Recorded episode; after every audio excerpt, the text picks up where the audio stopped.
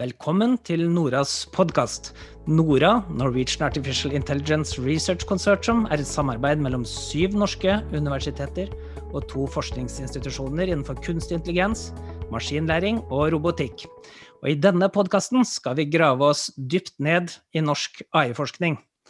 Verter for podkasten er Morten Gudvin, som er professor i kunstig intelligens ved Universitetet i Agder, og jeg, Claes Pettersen, daglig leder av Nora. Dette er episode nummer tre. I første episode snakket vi med Robert Jensen eh, om forskjellige ting. Om FueShot og one-shot Learning, og generelt om hans aktivitet i Tromsø. Eh, blant annet også det nye senteret SFI Visual Intelligence. I podkast nummer to så hadde vi Inge Jonassen som gjest, hvor vi snakket om et av de store gjennombruddene i KI i fjor, proteinfolding. Og i dag skal vi snakke om AI og medisin. Ja, det er sant. Og kunstig intelligens og medisin går jo som hånd i hanske. Og hvis det er noe virkelig kunstig intelligens i fremtiden og i nåtiden eh, er god på, så er det jo medisin. Så i dag gleder jeg meg virkelig til episoden vi skal ha. Kroppen er jo litt som en avansert funksjon, ikke sant? og hvis disse dype nevrale nettverkene skal oppdage gode og onde ting i vår kropp, så passer dette helt perfekt. Så i dag blir det spennende, Klas. Det blir spennende, og her er jo også et forskningsfelt hvor vi har mange gode, gode grupper i, i, Norge. Eh, og i dag skal vi snakke med en av dem, eh, og en person. Eh, I januar så kom det en spennende artikkel i Nature Review Cancer fra en norsk gruppe med tittel 'Designing Deep Learning Studies in Cancer Diagnostics'. Eh, og bak den så sto det da en norsk forskningsgruppe, eh, og de hadde også en veldig spennende tidligere artikler i The Lancet i fjor. Eh, så da er det vel på tide, Morten, at vi introduserer gjesten vår. Ja, her er det ikke bare to viktige artikler, men mange. Men vi skal kanskje grave oss litt i to av de. For dagens gjest er professor Håvard Danielsen. Danielsen er leder av Institutt for kreftgenetikk og informatikk ved Oslo universitetssykehus helseforetak. I tillegg er han professor to ved Institutt for informatikk ved Universitetet i Oslo. Visiting professor of cancer informatics ved University of Oxford i England, for de som ikke visste det. Og han er honorary professor i medisin ved University of Sochou, usikker på om jeg uttaler det riktig, i Kina. Han er også prosjektleder for eh, Do More, som er et av fyrtårnprosjektene til Forskningsrådet. Og sånne fyrtårnprosjekt er jo det vi forskere sikler etter alle sammen. ikke sant? Så her er det en som virkelig kan det. Eh, og hans forskning fokuserer i stor grad på bruk av kunstig intelligens i medisin. Og han er, for å være, e, være ærlig, en av de forskerne det bare er bøye seg i støvet for. For han er rett og slett en av de storhetene innen kunstig intelligens og medisin vi har i Norge. Så velkommen, Håvard. Tusen takk for det. Det er bra. Dette er bare podkast som ikke ser at jeg rødmer, men det var veldig hyggelig, hyggelig omtale. Eh, du har gjort, gjort, ekstremt mye spennende, Håvard. Eh, jeg er jo egentlig litt usikker på hvor, hvor vi skal begynne i denne podkasten her. Eh, men hvis du starter med å bare snakke litt generelt om din bakgrunn, begynn gjerne på fra tidlig barnsbena og hvordan du har bygd deg opp med den aktiviteten du har? Ja, jeg tror vi hopper over barnsben, for det har ikke så mye med den aktiviteten å gjøre.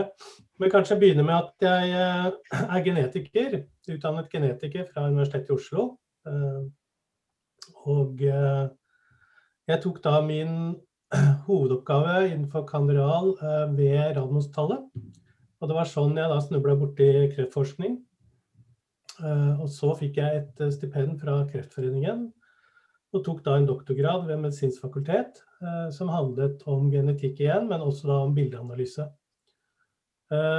Og så ble det opprettet Eller da fikk jeg en forskerstilling ved avdeling for patologi. Jeg var da ved to avdelinger på sykehuset, avdeling for genetikk og avdeling for patologi. Så ble det fikk jeg en uh, nyopprettet forskerstilling ved, ved avdeling for patologi, og så etablerte vi en seksjon for digital patologi. Og det var så vidt vi vet første gangen de to ordene ble satt sammen, altså digital og patologi. Så det var den første digitale patologiseksjonen i verden, så, så vidt vi vet. Og hvilket år cirka er vi nå? Ja, Da er vi 19... Altså den selve seksjonen ble vel formelt opprettet i 1992. Så det var jo takket være to veldig frem, altså framsynte menn. Eh, Jan Vincent Johannessen, som var direktør på Radiumhospitalet da, og, og, Jan Nesland, som var eh, overlege ved avdeling for patologi. Begge professorer i patologi. Eh, og de så jo eh, veldig langt fram.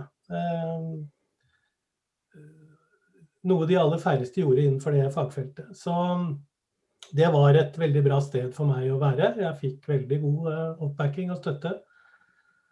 Og etter, ja, siden det så har det egentlig gått litt slag i slag. da, med Etter hvert så ble det et fagområde for medisinsk informatikk som ble opprettet, og som jeg fikk, lov å lede.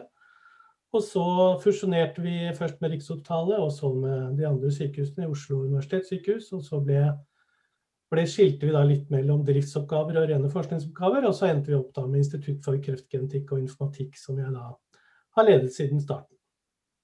Så det er vel uh, min bakgrunn, tenker jeg, som er relevant her. Kan du si litt mer over om, om når var det virkelig du begynte å bli interessert i, i kunstig intelligens, og også de, kanskje også de nye reformene for kunstig intelligens, altså dyp læring. Eh, når kom det inn i bildet? Ja, altså Kunstig intelligens har vi jo egentlig drevet med hele tiden, da, i form av maskinlæring. Så kan man jo diskutere hvor intelligent den egentlig er. Det var vel vi som måtte være intelligente og definere parameterne og hva vi var ute etter. Men uh, dyplæring uh, begynte jeg med i Det er ikke så lenge siden. 2015. Og det var etter et uh, besøk hos Google. Det var egentlig der jeg hørte altså Begrepet er jo eldgammelt, men det var der jeg på en måte fikk eh, litt ordentlig innsikt i eh, og begynte å tenke på det begrepet. Så, og det var i forbindelse med at vi holdt på å planlegge dette fyrtårnprosjektet, som vi var så heldige å få finansiert fra Forskningsrådet. Så det var jo en pangstart på den delen av virksomheten vår. Da fikk vi 60 millioner av Forskningsrådet. Uh, og ja, hadde vel et budsjett da på 120 millioner over fem år. Så det er jo mye penger for, eh, for et lite norsk forskningsmiljø. Så da eh, starta det på en måte Så dyplæring starta der.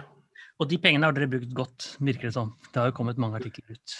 Jeg tror Forskningsrådet er Eller jeg vet de er fornøyd, de gir uttrykk for det. Og vi har fått uh, mange gode publikasjoner. Uh, alle er uh, høy impact, sånn at vi er, vi, er, godt fornøyd. Men vi har ennå dette året igjen da, på å avslutte prosjektet. Så vi skal ennå, forhåpentligvis gjøre enda et par bra ting.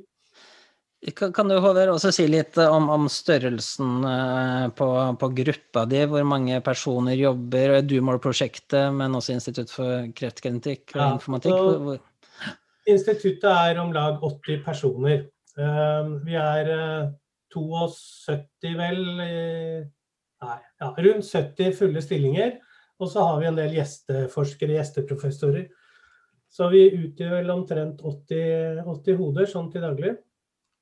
Uh, og det er jo et institutt som er delt inn i tre deler, tre seksjoner.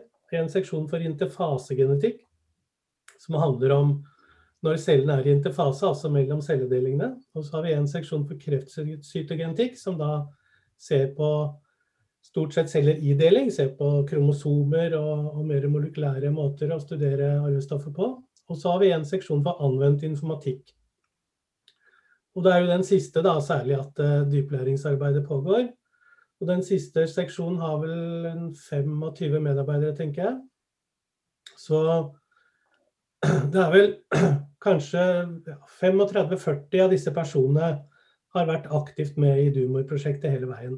I tillegg til da partnere i Oxford, uh, University College London, Sykehuset i Vestfold, uh, DIPS. Ja, flere andre, selvfølgelig. Og dette er personer som stort sett har informatikkbakgrunn, regner jeg med, og, som, eh, som driver, og dere driver med dyp læring. Hva slags infrastruktur eh, har dere rent sånn maskinvaremessig og sånt der ute? Er det vi har, eh, vi har fått en ganske bra eh, Altså, vi har vel en rundt 75 GPU-kort fordelt på diverse maskiner. Den siste var jo den Nvidia IDX-en, eller GDX eller hva den heter, den 100. Som jo er eh, en av de mer råere maskinene. Så vi har, eh, vi har bygd opp dette over disse årene, så nå har vi vi har nok ja, Kanskje Agder har litt mer, men ellers er det ikke så mange som har mer GPU-kraft enn vi har akkurat nå. Eh, hva er fordelene altså Jeg tenker også på det, skal, det bygges jo litt nasjonal infrastruktur i, i Norge også. Eh, hva tenker du, hva er fordelen med å ha det her selv? Eh, vil, vil, dere fortsette med det, eller, det, eller, bør dere skalere opp og kanskje bruke nasjonal infrastruktur, eller til og med kanskje europeisk infrastruktur etter hvert for å gjøre prosjektene deres? Altså vi, vi begynte egentlig andre enden. Vi begynte egentlig med et samarbeidsprosjekt med Google. Eh, og tanken var at all analyse skulle gjøres der. Og så erfarte vi jo da det som mange erfarer med store globale selskaper, at det er ikke alltid like enkelt. De du har gjort avtale med, har begynt eh, i et annet firma uka etterpå osv. Så, videre. så dette ble egentlig til fordi det var nødvendig. Vi var rett og slett absolutt uh, tvunget til å ha kontroll over, over analyseverktøyene våre. Um, det var egentlig en veldig positiv ting, fordi vi hadde ikke tenkt å gå så i dybden på dyplæring som vi endte opp med å gjøre. Fordi vi tenkte at vi hadde Google eh, som kunne ta den biten. Så når vi skrev prosjektet, så var det det som var planen. Men eh, ettersom vi nå da har eh, satt oss inn i dette, lært oss dette, så er det jo klart at uh, Altså jeg, jeg vet ikke Man kan selvfølgelig analysere eller bruke datakraft på mange forskjellige måter. For oss så handler det om at vi eh, i hvert fall må ha det veldig nært. Og vi må ha full kontroll på det. I sykehusverden så er det jo sånn at eh, datasystemer er under en ganske strigent kontroll pga. sikkerhet og sånne ting. Det ville aldri vært mulig for oss å gjennomføre det. Sånn at eh, allerede når Sykehuspartner ble etablert og, og datakraft generelt ble, ble, sentralisert under Sykehuspartner, så fikk vi holde oss utenfor det. Med argument at dette er faktisk laben vår. Så, så, vi er nødt til å ha hands on, og vi er nødt til å ha full kontroll. Um, det betyr ikke at ikke vi kan også inngå i større nasjonale og internasjonale dataparker, men uh, at vi ikke skulle sitte med GPU-kraft uh, på egen lab, det er helt utenkelig. Og i, i hvor stor grad er personvern og det som er relatert til personvern en av grunnene til at dere har datakraft lokalt, og, ikke hos Google f.eks. Jeg ser for meg at det er litt sensitiv informasjon som ofte går gjennom disse maskinlæringsalgoritmene deres. Og er det Ja, altså du kan si at uh, i, i, i, i, selve algoritmene så er jo ikke informasjonen sensitiv lenger, for der er den jo både avidentifisert og anonymisert. Så sånn sett så er ikke sikkerhetsaspektet så viktig. men mer kanskje verdien. Um, altså det er en Det var en åpenbar risiko, og det er en åpenbar risiko å dele store kliniske datamengder med uh, større globale selskaper. Uh, vi var jo i den prosessen, og vi betalte vel sånn type 5000 kroner timen til et av beste, Oslos beste advokatfirmaer. Uh, og etter mange timer så endte vi opp med å få ett råd, at det er egentlig ikke noe vits å ha kontrakt med Google, for dere vil aldri klare å forsvare den. Så det er litt mer på det, ikke sant. Altså, vi er nødt til å Igjen, altså, vi er ikke kontrollfrike, men vi er nødt til å ha kontroll over det vi skal jobbe med når vi, når vi jobber med forskning. Så, eh, og så er det jo eiendomsrett. ikke sant? Det er pasientene som eier disse dataene. Så vi kan ikke drive og dele dem ut til Google og, og, og, og gudan hvermann, holdt jeg på å si. Så, så, det er et aspekt av det. Men akkurat eh, personvernet, det er godt håndtert. Bra. Dette er jo gode råd til folk som ønsker å bygge opp en park. Kanskje det kan være lurt å investere i litt GPU-kort. Så en av de uh, artiklene du har jobbet med, skal vi gå inn i det, Klas? Er den uh... Det har jeg lyst til, Morten. Vi graver oss litt, litt dypt ned nå i, i, i artiklene. Vi, vi, har jo to artikler, Morten. Så den første, ja. Den som heter 'Deep Learning for Prediction of Colorectal Cancer Outcome, a Discovery and Validation Study'. Har du lyst til å snakke litt om eh, hva den handler om, Håvard? Ja, det har jeg. Det er jo et arbeid som vi var mange om å gjøre. Eh, veldig mange gode folk som har jobbet sammen på det. Og jeg hadde så da gleden av å lede det arbeidet. Eh, det her handler om det som instituttet har jobbet med hele tiden, egentlig. altså Noen pasienter har kreftformer som ikke er så veldig farlige. Andre har den samme krefttypen, men, men hvor den da får et dødelig, et dødelig utfall. Mm.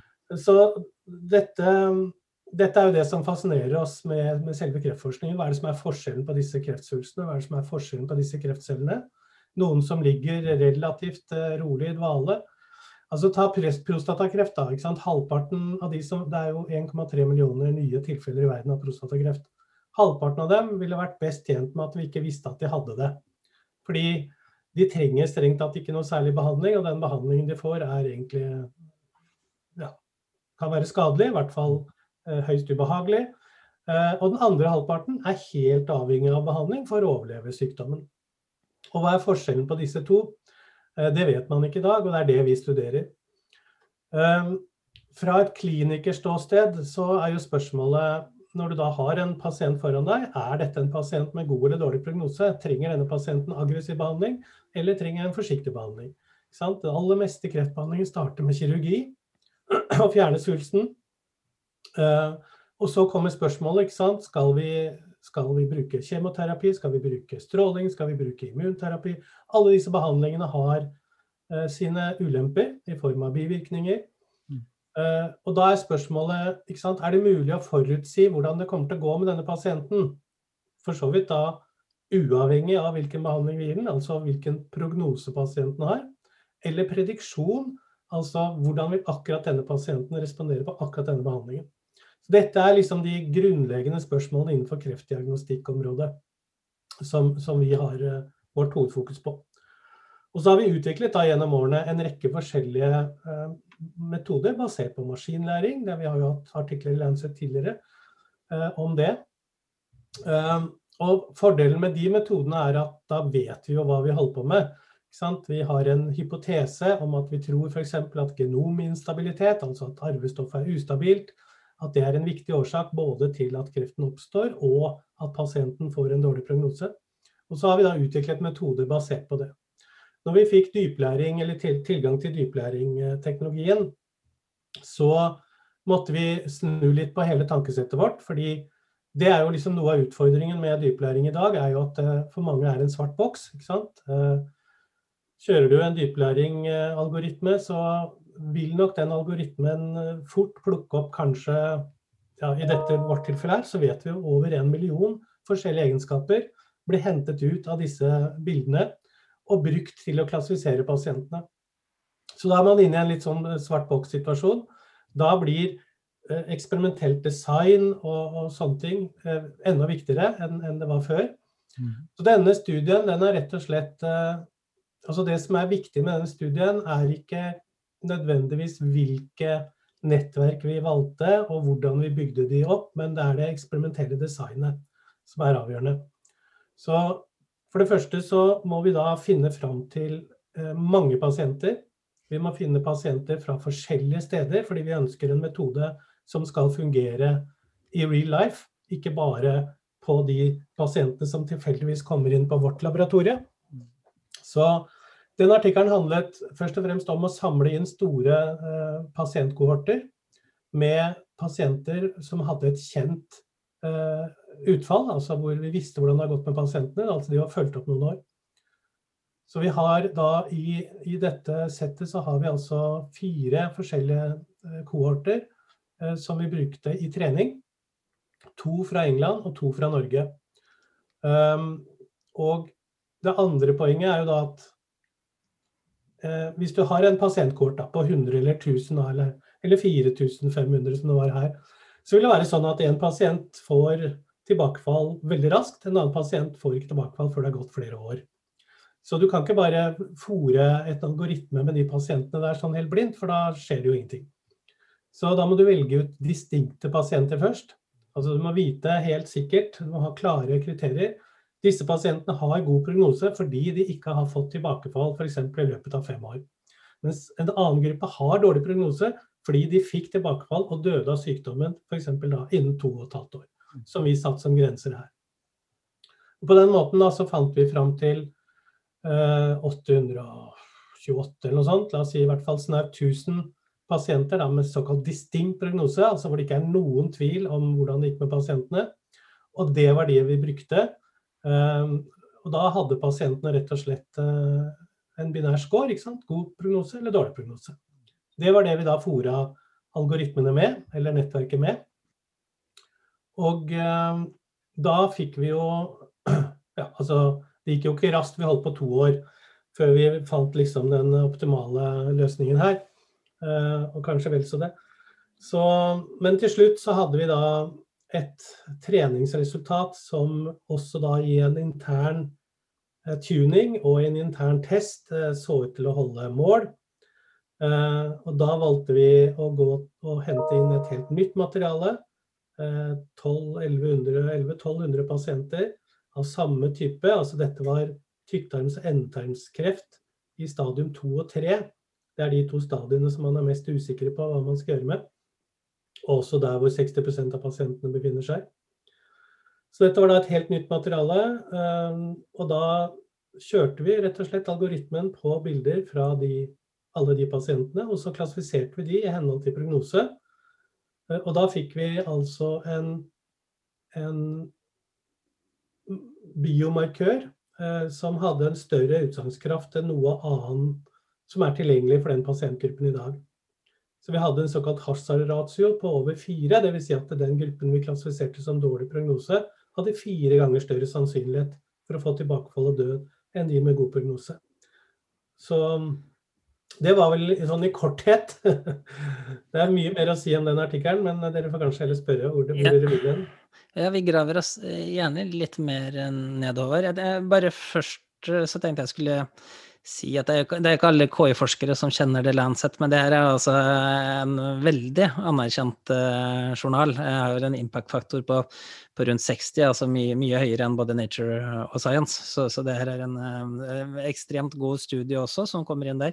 Uh, veldig omfattende. og bare for å oppsummere litt av det dere gjør, det er at dere kirurgisk fjerner, det kirurgisk fjernes vev først, og så blir det tilsatt et slags eh, fargestoff der. Eh, og så blir det tatt bilder. Og det er de bildene dere, dere analyserer og bruker dyp læring på.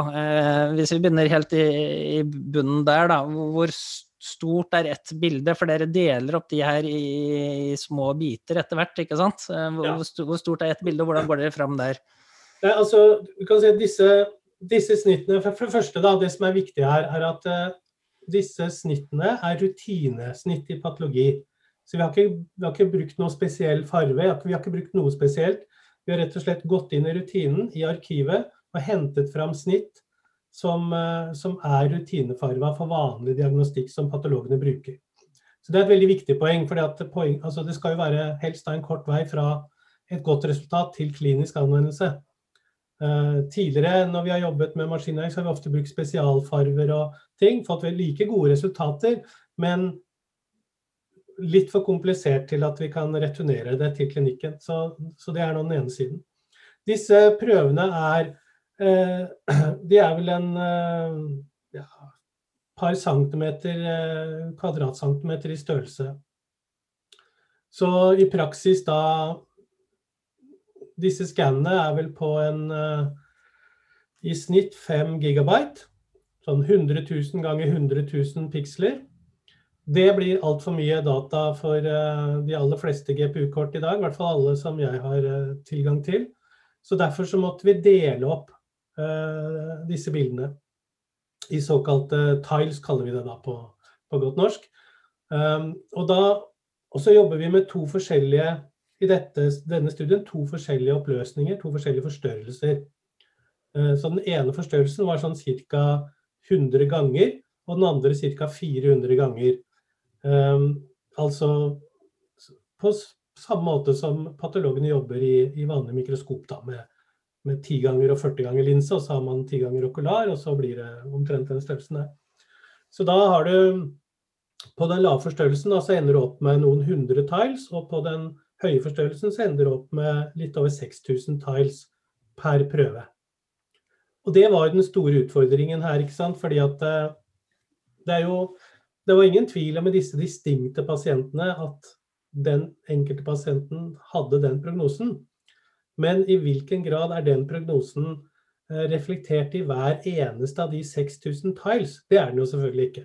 ikke sant? Det er jo i en, en tumor er heterogen. Den er uh, variabel uh, over dette området. Så noen av disse tilene vil inneholde veldig nært normalt vev, mens andre tiles vil inneholde noe som kanskje uttrykker noe som er veldig aggressivt. Så det betyr at på en eller annen måte så må dere slå sammen resultatene fra alle disse tilesene, ikke sant? Ja. Og hvordan gjorde dere det? Ja, da, Vi kjører da tile for tile. Um, og vi gjør det med begge oppløsninger. Og så er det jo slik med, med dyplæring at uh, det er litt sånn som oss mennesker. Hvis vi gjør noe fem ganger, så blir det i hvert fall ett avvik. Uh, og sånn er det med dyplæring også. Derfor så kjører vi fem runder kan du si da, med hver oppløsning, altså ti nettverk alt i alt. Og da vil hver tile få en score, uh, og så vil da summen av eller snittet da, av den scoren for en gitt pasient for en gitt oppløsning, for en gitt kjøring, i én score, og så ender du da opp med ti scores. Fem med lav forstørrelse, fem med høy forstørrelse. Tar du gjennomsnitt av de med lav, og gjennomsnitt av de med høy. Og så var det jo sånn da at uh, i de fleste tilfellene så fikk jo både lav og høy forstørrelse samme score, altså god eller dårlig prognose. Og selve terskelen for det, det ble satt med tuningsett. Uh, og det var da de når vi plukket ut disse 800 fra noen tusen pasienter som hadde distinkt prognose, så satt vi jo igjen med ganske mange som ikke hadde distinkt prognose. De brukte vi da til å tune, finne hvor den optimale terskelen var. Mm. Eh, og da ender du opp med til slutt et binært resultat, god prognose eller dårlig prognose. Men du ender også opp med en score, sånn at sant, det er noen som da er veldig veldig sannsynlig dårlig prognose, og noen som er litt mer usikre jo nærmere de kommer terskelen, selvfølgelig. Tenker du at den scoren også kan bli eh, gitt ut til pasientene? på en måte? Her har du en, eh, en eh, sykdom, men du får eh, en verdi som er veldig høy på den måten. Eller tenker du at dette er bare Nei, det er, tenker jeg absolutt. Det er noe av hovedpoenget med å ha en prognostisk markør. fordi det er ikke, altså, ikke sant? Det er ikke 100% mm. Det er aldri, det er ingenting i biomedisin som er det. Så det vil alltid være en vurdering, og, og, den vurderingen må pasienten være med på. Eh, så lenge pasienten er i stand til det. Og da handler det jo om f.eks. i dette tilfellet tykktarms-endetarmskreft. Behandlingen er toksisk. Eh, mellom 1 og 4% av de som blir behandlet, dør av behandlingen. Så det er ikke, det er ikke noe trivielle greier. Så, og når du da har f.eks. en stadium 2 vi, har, vi, opererer med fire stadier her. Stadium 1 er en veldig snill form. Stadium 4 så har du spredning og, og, og hele pakka. Og stadium 2 så har du en større tumor med en viss gjennomvekst, men ikke spredning. Uh, og da er spørsmålet skal de ha uh, tilleggs, altså det vi kaller adjuvant behandling, skal de ha kjemoterapi? Altså cytostatika eller, eller, eller andre behandlingsformer. Og Det er jo nettopp der at vi bruker denne metoden nå eh, til å gi en mer kvalifisert vurdering av det. Så det, ofte, det blir da en samtale mellom kliniker som, som, tar ansvaret til slutt, selvfølgelig, og pasienten. Um, så det er viktig. Og da er det klart at hvis, hvis scoren er helt entydig, så er valget veldig enkelt. Uh, er scoren ikke fullt så entydig, så har vi jo andre metoder vi kan legge på. da. Men, eh, men i og med at vi har en hasardratio som er så høy, så er de aller fleste svarene entydig nok. Kan du si, altså Til sammenligning, når patologene prøver å gjøre dette med såkalt histologisk gradering, så graderer de pasientene i grad 1, grad 2 og grad 3. Grad 1 er god prognose, grad 3 er dårlig prognose, grad 2 er usikker. Problemet med den metoden er at 88% av pasientene handler i grad 2 i den usikre gruppen.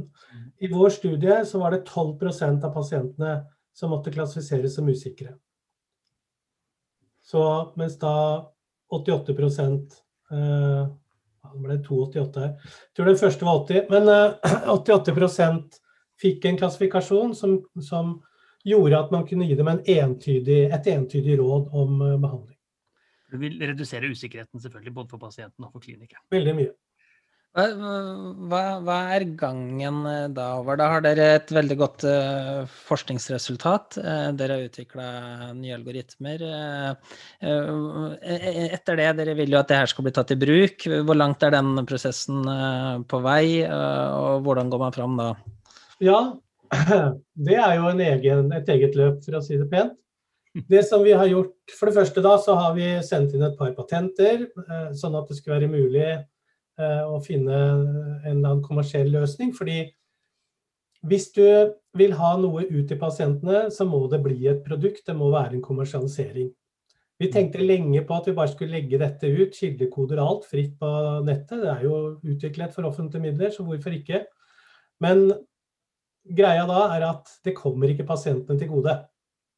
Eh, et sykehus vil ha et produkt, vil ha en metode, vil ha en leveranse.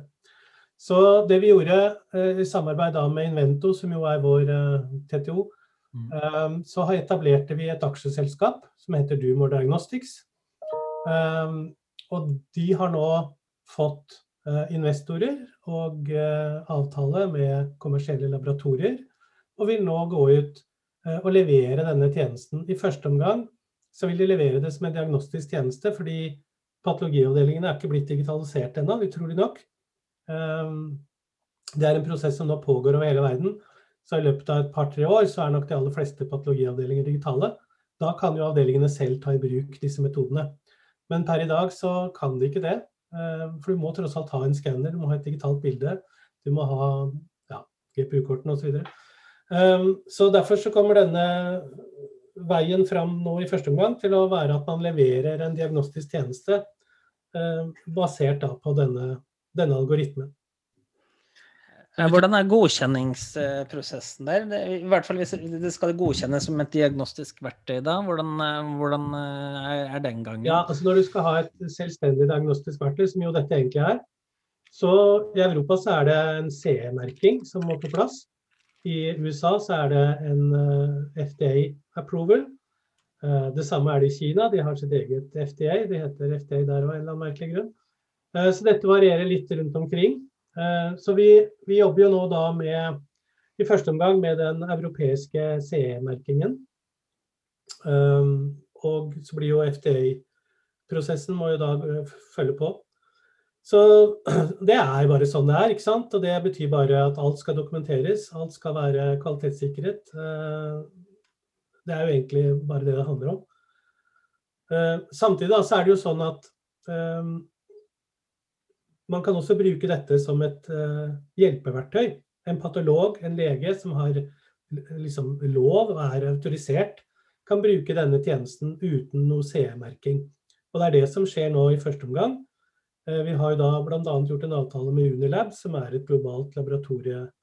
Uh, hva heter det? Et laboratorium i hvert fall? Ja, et laboratorium. Et selskap som driver kommersielt. Ehm, de er patologilaboratorier til mange sykehus rundt omkring i Sverige, England og andre steder. Ehm, så de har da anledning til å bruke denne metoden, og så er det patologen deres da som signerer ut prøvesvaret. Så da kan man gjøre det uten denne godkjenningen. Og det samme gjør vi på Radiumhospitalet, eller på Oslo universitetssykehus. Så leverer vi nå denne tjenesten som en diagnostisk tjeneste på lik linje med mange andre diagnoser da, som vi utfører. Men målet er jo at den skal kunne jobbe helt uten eh, en klinisk signatur, kan du si. Og da må den ha denne godkjenningen. Uansett for å selge systemer og sånt, så må den også ha det. Så, så det er en del av det. Jeg tenkte, eh, nå, Dere har jo landa på en algoritme. Der bruker dere bl.a. MobileNet versjon 2 for å gjøre mye av kategoriseringen der. Eh, pågår det videre forskning for å forbedre metoden? Det snakka jo også litt om eh, bilder. Det er jo to forskjellige størrelser på utsnitt. De ga stort sett samme resultat som du sa. Jeg regner med at siden dere bruker begge deler, så er det likevel en fordel å, å bruke begge deler. Eh, men kan du si litt mer om selve metoden, og om, dere, om det er fortsatt pågående forskning, eller er det over på en måte i et næringslivsløp og skal gå ut eh, mot et verktøy inn i klinikken og, og ferdig forska? Nei, altså det, det her er det jo Ole Brumm-løsning, selvfølgelig. Ja takk, begge deler. Altså Vi har sendt dette videre gjennom et kommersielt selskap og til folk som har greie på sånt. Og så fortsetter vi med det vi kan, og det er jo å forske. Så vi Altså dette Dumor-prosjektet, dette fyrtårnprosjektet, så valgte vi ut tre kreftformer. Vi valgte kolorektal, lunge og prostata. Prostata fordi det er veldig mange som dør med den sykdommen. Eh, ikke så mange som dør av den. Mm. Lungekreft dør de fleste av, og tykktarms-endetarmskreft er sånn midt imellom. Og så representerer de omtrent 40-45% av, av alle krefttyper, og også av all kreftdødelighet. Og er altså veldig forskjellige. Så vårt, vår strategi er at vi utvikler metoder som skal virke på alle tre. For da bør de i prinsippet kunne virke på alle solide svulster. Uh, og Dvs. Si mer enn 80% av alle krefttilfeller. Så det er strategien vår. Så akkurat nå holder vi på å forsøke da å validere metoden direkte eh, i et tilsvarende stort lungekreftmateriale og eh, et prostatakreftmateriale. Så der er det liksom to løp. Det ene er at vi ønsker først å se kan vi bare applisere, altså bare trene på akkurat samme måte. Uh, bruke akkurat det samme nettverket som vi har bygd opp, og få de samme, altså like gode resultater. Det er liksom det første som vi holder på med nå. Uh, og funker ikke det, så vil vi selvfølgelig jobbe videre. Altså, at vi valgte mobil eh, på det tidspunktet, var jo rett og slett fordi at det var et veldig effektivt nettverk. Altså ressursmessig. ikke sant? Du trenger ikke så fryktelig mye GPU for å håndtere det. Det er jo andre, andre løsninger, f.eks. Inception, som vi også kjørte som et parallelt løp. da. Så vi kunne ha brukt i den rollen til, til mobilnett. Eh, så det er mange ting der vi ser på. Så ja, altså, ja til både de spørsmålene og flere til. Vi, vi, vi, holder selvfølgelig mye åpent, og vi kjører mange løp samtidig. Jeg, jeg la jo merke til at i artikkelen at dere, dere, har jo um, kalt nettverket Doomore versjon 1. Ja. Eh, så det betyr vel kanskje at det er en versjon 2 eller 3 på gang, eller hvor langt? Ja, da, hvordan går utviklinga der? Vi har, vi har, kommet et godt stykke på vei, og vi, vi publiserte faktisk noe av det i den Nature-artikkelen som dere refererte innledningsvis. Altså det som det som er det vi leverer nå, det har vi kvalitetssikret for to skannerplattformer. Uh, skannere fra Leica, de såkalte Aperio-skannere, og fra Hanamatsu. For det er de to vi brukte. Spørsmålet er virker metoden like godt på en tredje eller en syvende skanner. Nå er det jo i hvert fall en 10-12 skannere ute på markedet som har et betydelig markedsandel. Så, og det andre er at vi så på Altså vi farget veldig mange av disse prøvene selv på eget sykehus. Eh, noen eh, av en del av treningssettet, og i hvert fall testsettet, var farget i England. Men så er det, eh, så er det da spørsmålet ikke sant? Robust, hvor robust er denne metoden i forhold til både variasjoner i farging på laboratoriene og i forhold til plattformen som du skanner med. Så det, det fikk vi eh, noen, ja, Vi fikk en ekstra fem millioner av Forskningsrådet i et såkalt prekommersialiseringsprosjekt for å jobbe med det. Så den versjon 2 kommer til å inneholde mye mer eh, fargeargumentering f.eks. For, eksempel, for å, altså flere metoder for å standardisere, normalisere eh, prøvene, slik at det ikke spiller noen rolle om de er farga litt lite, litt mye. Altså, vi tror ikke det spiller så mye rolle i dag heller, men for å sikre oss at denne robustheten blir etablert. Så, så vi har da hentet inn nå snitt fra ti forskjellige laboratorier som er snittet og farget der. Og så har vi hentet inn scan eh, fra ti forskjellige skannerleverandører. Og så holder vi nå på å lage en metode som skal virke like godt uansett hva vi måtte velge av de. Da. Så, så det er en del av versjon to. At metoden er garantert robust og skal garantert kunne virke uansett hvem som er farget, og uansett hvilken skanner det blir gjort på. I, og det, I den versjonen to ser du noen form for eh, andre nettverkstyper dere utforsker? For dere har jo den MobileNet, og så har dere eh, noe som heter Noisy Ant-pooling, som ja. skapte min nysgjerrighet. i hvert fall. Ja, vi, vi, vi, har vel jobbet med en ti-tolv forskjellige nå. Um, og og, og Dumor-nettverket er jo også et nettverk i seg sjøl, som vi har skrevet sjøl. Um, Jeg tror nok at uh, det neste nettet vi kommer til å presentere, er et, et ICGI, altså Institutt for på engelsk forkortelsen vår. Altså vi lager, vi lager nok et eget nett. Vi, vi, kommer nok ikke til å basere det på, på Inception eller mobilnett eller uh, Men vi, vi, har jo også mange andre prosjekter, så vi bruker jo forskjellige løsninger der. Vi starter jo gjerne med å se hva andre har fått til. Hvilken fordel ser dere med å lage nettet helt fra bånn av? Det er jo for å få det hakket bedre, da. Mm. Altså, vi, vi, vi, jo, vi, starter jo selvfølgelig med det som fins. Uh, finner ikke opp hjulet hvis det ikke er nødvendig. Uh, og ofte så får vi et godt resultat, men ikke godt nok. Og da er det jo det ene vi kan spille på, er jo selve designet, som jo da den Nature-artikkelen handler om. Mm. Hvordan designer du en sånn studie for å få de rette resultatene. Og det andre er at sant, du kan justere en rekke ting, eller du kan gå inn og lage et nytt nettverk. Så vi, vi jobber på alle de feltene samtidig. Eh, og da, og da, er vi jo litt inne i den artikkel nummer to som vi, som vi også tenkte å snakke litt om. I Nature Reviews Cancer. Eh, det er jo en ja, eh, journal som bare er en impact-faktor på litt over 50, det. Eh, så, så. det er også fantastisk bra for publisert artikler der. Men, men, den går jo også du, du, begynte jo å snakke litt om det allerede, om, om robusthet og en oppsummering. Kan, kan du si først litt generelt om hva artikkelen handler om? Altså, Den artikkelen handler egentlig om Eh, vitenskapsteori og vitenskapsfilosofi og vitenskapslogikk. Hvordan skal du drive forskning? Det er egentlig det som står der, men så er det da tilpasset eh, dyplæring i medisinsk diagnostikk. Mens alt vi skriver om og alt vi på en måte tenker er jo grunnleggende forskningsfilosofi. Hvordan, hvordan man skal gjøre ting på en, på en måte, altså for å få et svar som er pålitelig. Så det vi omhandler i den artikkelen, går jo mye på, på, hvordan man skal sørge for at eh, for det første at det treningsresultatet du får, ikke er bare tull. Det er, jo, det er jo en smal sak å få et supert treningsresultat. Det er jo bare å ha ikke nok prøver, f.eks. Mm. Eh, så får man jo veldig godt treningsresultat med en gang, men som selvfølgelig aldri lar seg verken teste eller validere.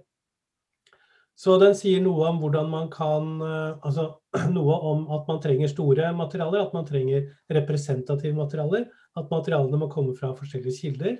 Og så sier det noe om hva du kan gjøre, det, for det vil alltid være situasjoner hvor, det vil være en begrensning. Unnskyld.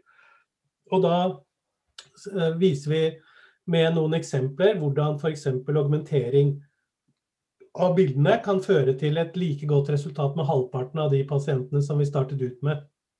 Så det er en del sånn tips og triks til hvordan man kan gjøre den treningsprosessen på en best mulig måte.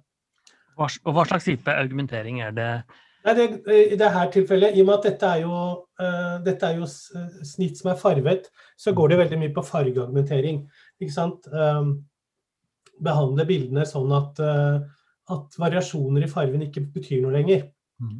Um, og det Og så er det jo selvfølgelig all annen form for argumentering som man ofte bruker. ikke sant? Man speilvender bilder, ikke sant? snur dem på huet.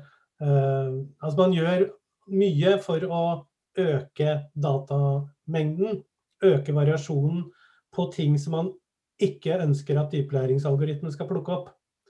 Uh, har du sett noe bruk av eh, dyplæringsmetoder for å argumentere, altså disse generative nettverkene. Det finnes jo disse nettverkene som kan lage fake bilder. Og jeg, hva tenker du om å bruke sånne fake bilder inn i et uh... Nei, jeg tror ikke det har så altså det, har for, det, er, det, er, veldig bra i mange sammenhenger, men det har nok ikke så mye for seg her. Um, for det her handler ikke om å skille en sykkel fra en uh, bil, ikke sant? som jo ofte er, uh, er en problemstilling. Altså mm. skal du kjøre en bil automatisk, så må du kunne lese et skilt, du må kunne skille mellom folk og sånn. Her handler det om at bildet i utgangspunktet er ganske likt. Uh, ser likt ut for uh, garantert for deg, mm. så vil du ikke se forskjell i det hele tatt. Så her handler det om å trekke ut egenskaper som skal ikke klassifisere bildet som sådan, men finne ut av Og det er det som er så fascinerende. Finne ut av hvordan det kommer til å gå med denne pasienten om tre til fem år. Så det er en litt annen problemstilling enn, enn, å bare si at her er det svart, og her er det hvitt, og her er det stort, her er det lite. Så, Og i og med at vi per i dag ikke vet så mye om hvilken informasjon som trekkes ut Altså vi vet jo masse om det, men vet ikke helt konkret. Mm. Uh, men det er jo nødt til å være mye av det samme som vi har forsket på i alle år, og som mange andre har forsket på. Det, det, må jo gå på hvordan arvestoff er organisert, uh, og, og, mange sånne ting.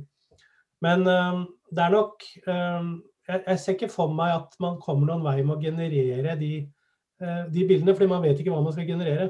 Mm. Um, så her handler det om å skaffe til veie en representativ uh, mengde data. Og samtidig fjerne de delene i data som, som leder uh, algoritmen på feil vei. Da.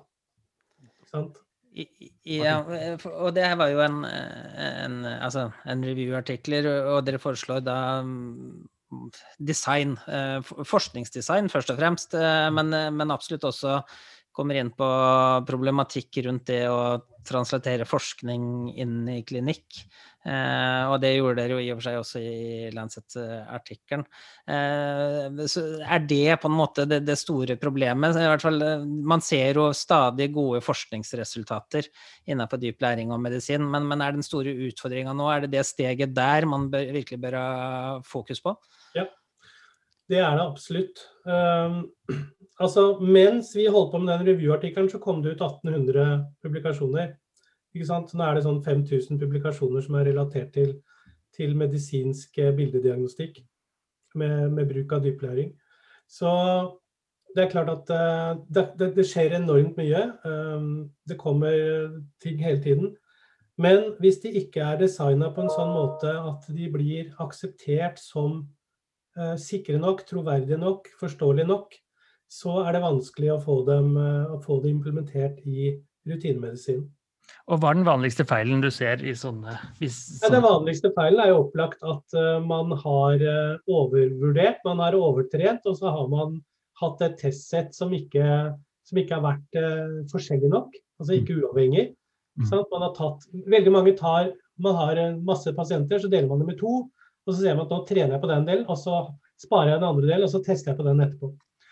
Og da er du ute å kjøre, fordi det er ikke uavhengig. og da er det klart at sannsynligheten for at de, de egenskapene som er plukket ut som ikke er relevante, da, mm. eh, sannsynligheten for at de også er i testsettet, er jo når testsettet er en del av den samme kohorten, egentlig, er jo veldig stor. og Derfor så får man gode resultater, gode treningsresultater, gode testresultater. Mm. Men hvis da noen andre skal bruke det et annet sted, så kommer det til å falle sammen. Noe av det du sier, er at testsettet skal være helt uavhengig av treningssettet. Altså helt... Ja, eller, ja, altså her er det litt sånn begreps... Uh, vi, velger å, å, å, bruke, altså, vi velger å snakke om, om trening, uh, tuning, testing og validering. Sånn at for oss er valideringssettet det som må være helt uavhengig. Valideringssettet brukes jo eh, ofte også om den, det dere kaller tuning. ikke sant? Så validering for dere er det helt, helt ekstremt. Fordi vi er i medisinen, ikke sant. Eh, og der er det den måten man bruker de begrepene på. Jeg, jeg, jeg, jeg, skal ikke snakke for kreftforskningen, men jeg ser jo mange eksempler hvor folk har eh, delt datasettet i to, og så testet med testsettet og prøvd mange ganger. ikke sant? Første gang funker det ikke, andre gang funker det ikke. Og da, Det man egentlig gjør da, er jo å, optimalisere mot testsettet hele tiden, og da er det jo ikke lenger blindt. Det er noe av det samme. Man, man lærer på hver eneste runde, ikke sant. Så, så, man er nødt til å ha noe vi kaller det test eller validering. så er det, det, det er det aller viktigste. At det må være helt uavhengig. Eh, og så er det også veldig viktig at før du gjør den siste analysen, at du har bestemt deg for hva det er du faktisk analyserer. Fordi at når du, når du, da får resultater, så er det masse statistiske metoder, masse ting du kan vektlegge på forskjellig måte. Og det er den andre store feilen veldig mange gjør, bevisst eller ubevisst. Jeg håper at det er ubevisst. Eh, at man da selvfølgelig velger det beste av flere resultater. Og så er det det man publiserer. Og det holder jo ikke, for det er jo heller ikke særlig reproduserbart. Ikke sant? Ehm, for det er mange måter å finne et svar på. og så Har man da fem forskjellige svar, så velger man det beste, og så publiserer man det. Og det Eneste måten å være trygg på at man unngår det på, er at før man i det hele tatt begynner å analysere vurderingssettet, så har man skrevet ned en protokoll og sagt det er dette som er min primæranalyse, det er dette som er min sekundæranalyse, og der stopper det, liksom. Dette er genialt å høre. for jeg skjønner jo, Det er veldig fristende. ikke sant? Du har fem resultater, én av de er veldig gode. Hvorfor ikke bare publisere den gode? Det er jo den som blir publisert. ikke sant? Da får du et bedre, da får du høyere impact.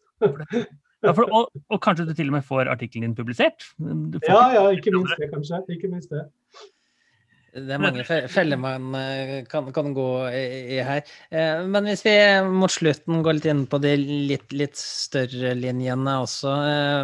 Eh, du snakka jo om uh, digitalisering, altså patologi og radiologi generelt, hvis vi ser, ser begge områder der, da.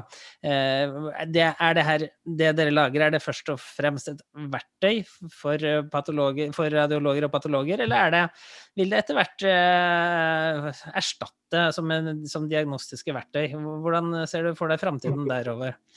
Ja, dette er jo et minefelt, altså her må man jo være forsiktig. Uh, du må tenke på at det sitter patologer og hører på også.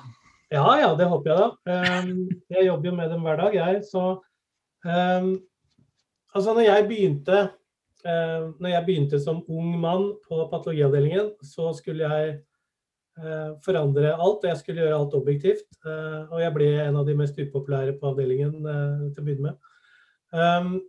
Det er noe med Altså, vi publiserte en metode i Lancet Oncology for et par år siden. Uh, og da tegnet de en robotperson på forsiden og brukte det som illustrasjon. Så de så for seg at dette skulle erstatte patologene. Uh, og det er det veldig mange som gjør. Uh, veldig ofte når jeg har holdt foredrag, så kommer kommentaren etterpå at ja, jeg, jeg, jeg, sønnen min skal i hvert fall ikke begynne å studere, eller skal i hvert fall ikke bli patolog eller radiolog. Og det er jo selvfølgelig både riktig og feil. Vi, vi, kommer alltid til å trenge patologene og radiologene. altså Patologene er den gruppa innen medisin altså det er som, som, som virkelig har innsikt eh, i mye av fagfeltet. Men de kan brukes på en annen måte. De behøver ikke sitte og gjøre ting som datamaskiner er bedre til. Så det kommer til å bli endringer, og de, det kommer til å gjelde alle fagdisipliner innenfor medisin. kommer til å bli endret av kunstig intelligens. De som står nærmest til jeg skal ikke si for hugg, for det er ikke det som er poenget. Men de som står nærmest nå for, at, for å gå inn i den eh, transformasjonen, er nettopp bildediagnostikerne, altså patologene og radiologene. Det er ingen tvil om det. Altså Den metoden vi publiserte i Lancet, den finner jo tumoren automatisk. Det er jo en del av nettverket som vi ikke engang har snakket om. Mm. Men det er jo en veldig viktig jobb for patologen. Den finner den automatisk, og deretter prognotiserer den. Eh, det er helt, altså vi har ingen, ikke noe behov for noe innspill fra noen patologer for å kjøre den analysen fullt ut. Ja, det, det, var egentlig oppfølgingsspørsmålet. for Man har jo i lang tid nå hatt inntrykk av at eh, det som fungerer best, det er eh, patologen eller radiologen i, i samarbeid med, med, det her fine verktøyet som er utvikla. Men er vi allerede der nå at du ser en del områder hvor, hvor verktøyet alene eh, gjør jobben? Ja, men altså Du må huske på at vi har eh, sånn grovt sett da 40 krefttyper, hvis man sånn deler det inn. ikke sant? Uh, nå har vi laget en metode for uh, to understadier av én krefttype. Um, og um, den er på en måte spissa inn til en problemstilling som, som selvfølgelig patologene og klinikerne har definert for lenge siden. Altså det å, og Vi kan lage mange sånne verktøy. Og de kan gå inn og de kan erstatte enkelte arbeidsoppgaver for enkelte medisinske spesialister. Men de vil jo aldri se helheten. De vil jo aldri ha den kreative intelligensen. Vi må skille her. Sånn at uh, de kan aldri erstatte en lege eller en kliniker eller en sykepleier. Og det er det vel forhåpentligvis ingen som gidder å prøve på engang. Men på samme måte som de forandrer arbeidsdagen til svært mange andre typer arbeidstakere så vil den også forandre arbeidsdagen til, til våre kollegaer, eh, kliniske kollegaer. Det er ingen tvil om det. Men den kommer ikke til å erstatte. Den kommer til å supplere og endre. Og det er jo det Og forhåpentligvis da så blir resultatet slik at, uh, at det favoriserer pasienten, for det er jo hele poenget. Men da må jo først avdelingen digitaliseres, da, som du forteller ja. vi faktisk ikke har gjort, begynt med. Nei, det er helt klart. Så det er jo en stor svakhet innenfor patologi. Eh, radiologene gjorde det jo for 20-30 år siden. Patologene har ikke gjort det. Eh, det har vært en kombinasjon av konservatisme, men også eh, så handler det jo om at hva, altså, du skal endre hele arbeidsdagen. De skal slutte å se i sine mikroskoper, de skal begynne å se på skjermer. De skal ikke ha, ta vare på disse glassprøvene lenger, de skal ligge som digitale bilder. Så du endrer på en måte hele arbeidsflyten. Men hva er det du oppnår? Altså før, før vi fikk det vi kaller in silico-patologi, altså at patologien foregår i datamaskinen, så var det eneste du ville oppnå, var å få akkurat det. Altså noen digitale bilder som du kan sende rundt. Så gevinsten var ikke stor nok i forhold til den investeringen som var nødvendig. Men nå uh, er den det, og det ser selvfølgelig også patologene. De så det vel først av alle. Uh, og nå skjer denne uh, transformasjonen. Nå blir det digitalt, for nå ser de at dette er verktøy som de er nødt til å ta i bruk, og som de er nødt til å integrere i faget sitt. Jeg, jeg tenker det, Håvard. Altså det, det, det, er, veldig mange gode forskningsgrupper i, i Norge innenfor den kombinasjonen kunstig intelligens og, helse. Eh, ser du på det her som, eh, som et eh, felt hvor, hvor, Norge kan ha et, et fortrinn framfor andre land? Vi har jo også veldig mye gode data i, i Norge. Dere sitter jo tett på, også på Kreftregisteret f.eks. Mm. Eh, burde det her vært satsa enda mer på?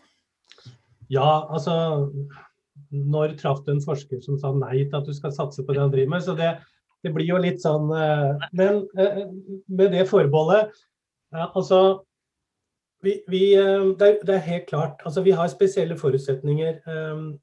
Dels fordi at vi, vi, er et høyteknologisk land. Vi er tidlig ute med, med all type IT-teknologi. Uh, og vi har uh, en helt spesiell forutsetning, altså de skandinaviske landene med kreftregistre som går tilbake til 50-tallet. Dette er helt unik. Altså, det er ikke når Google og andre står og banker på døra vår stadig vekk, så er det ikke fordi at vi er så innmari rå på på dyplæring, det er jo fordi at de vet hva vi sitter med. ikke sant? Av, av klinisk materiale og god klinisk oppfølging. Så ja, altså helt klart Norge har et uh, stort potensial til å gjøre dette til en ny oljenæring. Helt klart. og, og, jeg tror også at det er et ønske om det. Altså, jeg, i hvert fall, jeg, altså vi har fått veldig god finansiering og fått topp støtte fra Forskningsrådet, fra liksom, Statsministeren kom på besøk. og, og altså, De viser en veldig, veldig interesse, og, og, vi har fått, fått si det vi ber om. Så jeg håper bare at flere får det, og at vi, at vi fortsetter den utviklingen. Og Hvis du tenker at det er noen som har lyst til å hoppe på dette oljeeventyret, hvis vi skal bruke de ordene, hva vil være anbefalingen din da? Ja, Det kommer jo an på hvor de står hen nå, da, hvor de hopper fra. Ikke sant? Fordi at eh, altså Du sa i stad at du trodde vi hadde mest informatikere. Eh, altså Av de 80 ansatte så er det vel 25 eh, informatikere. ikke sant? Resten er eh, alle mulige andre ting. Og det er jo nøkkelen her. Altså, det, dette hadde aldri, altså Vi har et veldig nært og godt samarbeid med Institutt for informatikk. Dette kunne ikke vært utvikla der. ikke sant? Eh, det kunne heller ikke vært utvikla på patologiavdelingen. Mm. Det har noe med at du trenger alle disse faggruppene sammen. Eh, du trenger gode matematikere, du trenger gode statistikere. Du trenger gode medisinere, gode patologer, gode klinikere, gode, eh, gode genetikere. Alt dette har vi samla, det er det som er styrken vår. Da. Så Derfor så kommer det an på hvor du hopper fra, før jeg kan svare på spørsmålet mitt. Du svarte allerede godt på det, tenker jeg. Vi, det er jo informatikk som sitter mitt hjerte nærmest. Men er, du sier du fordeler. Det er samarbeidet. Vi må skjønne hva vi en av oss er gode på, og samarbeide med andre. ikke sant? Ja. Altså, jeg har hatt en god del doktorgradskandidater. og jeg har prøvd å lære informatikere medisin, og jeg har prøvd å lære medisiner informatikk. Hva er lett? Nei, Begge deler er nok like utfordrende, men det går nok litt lettere å lære informatikere medisin. Eh, så det er nok det vi har hatt størst, eh, størst hell med. Men det aller beste, og som vi har gjort med suksess mange ganger, er at jeg putter én medisiner og én informatiker sammen på samme doktorgradsoppgave. Da går det veldig bra. Så samarbeid er helt tydelig en nøkkel her. Du sier jo også at Norge har veldig mye gode data, og det står stadig eh, firmaer og andre og banker på døra vår. Men, men vi, vi, trenger vel også bygge også kompetansen, bygge altså antall eh, hender som kan jobbe med det her. Eh, hvordan tenker du Nora kan bidra med å bygge opp fagmiljøet i Norge? Et stort spørsmål, da. Um, men det er klart at uh, for det første så man må jo ha et fagmiljø. Man må jo ha et sted hvor ting gror. Ikke sant? Og det som er kanskje noe av utfordringen i Norge, er jo alle disse små fjelltoppene vi har, hvor det sitter Eller tuer. ikke sant? Så sitter jeg på min tue, og så sitter du på din tue. Eh, og så får vi til bra ting på den tua, men det er jo først når dette blir samla, organisert, eh, at du får virkelig den store effekten av det. På samme måte som du trenger å slå sammen en medisiner og en informatiker, så må du også trekke eh, erfaringene og miljøene sammen, sånn at du får større nettverk, mer kraftfulle enheter som kan virkelig løse de store oppgavene. Så, så det du sier, er at uh, Nora kan være maurstiene mellom tuene? Det er det vi skal jobbe for, å knytte, knytte tuene sammen?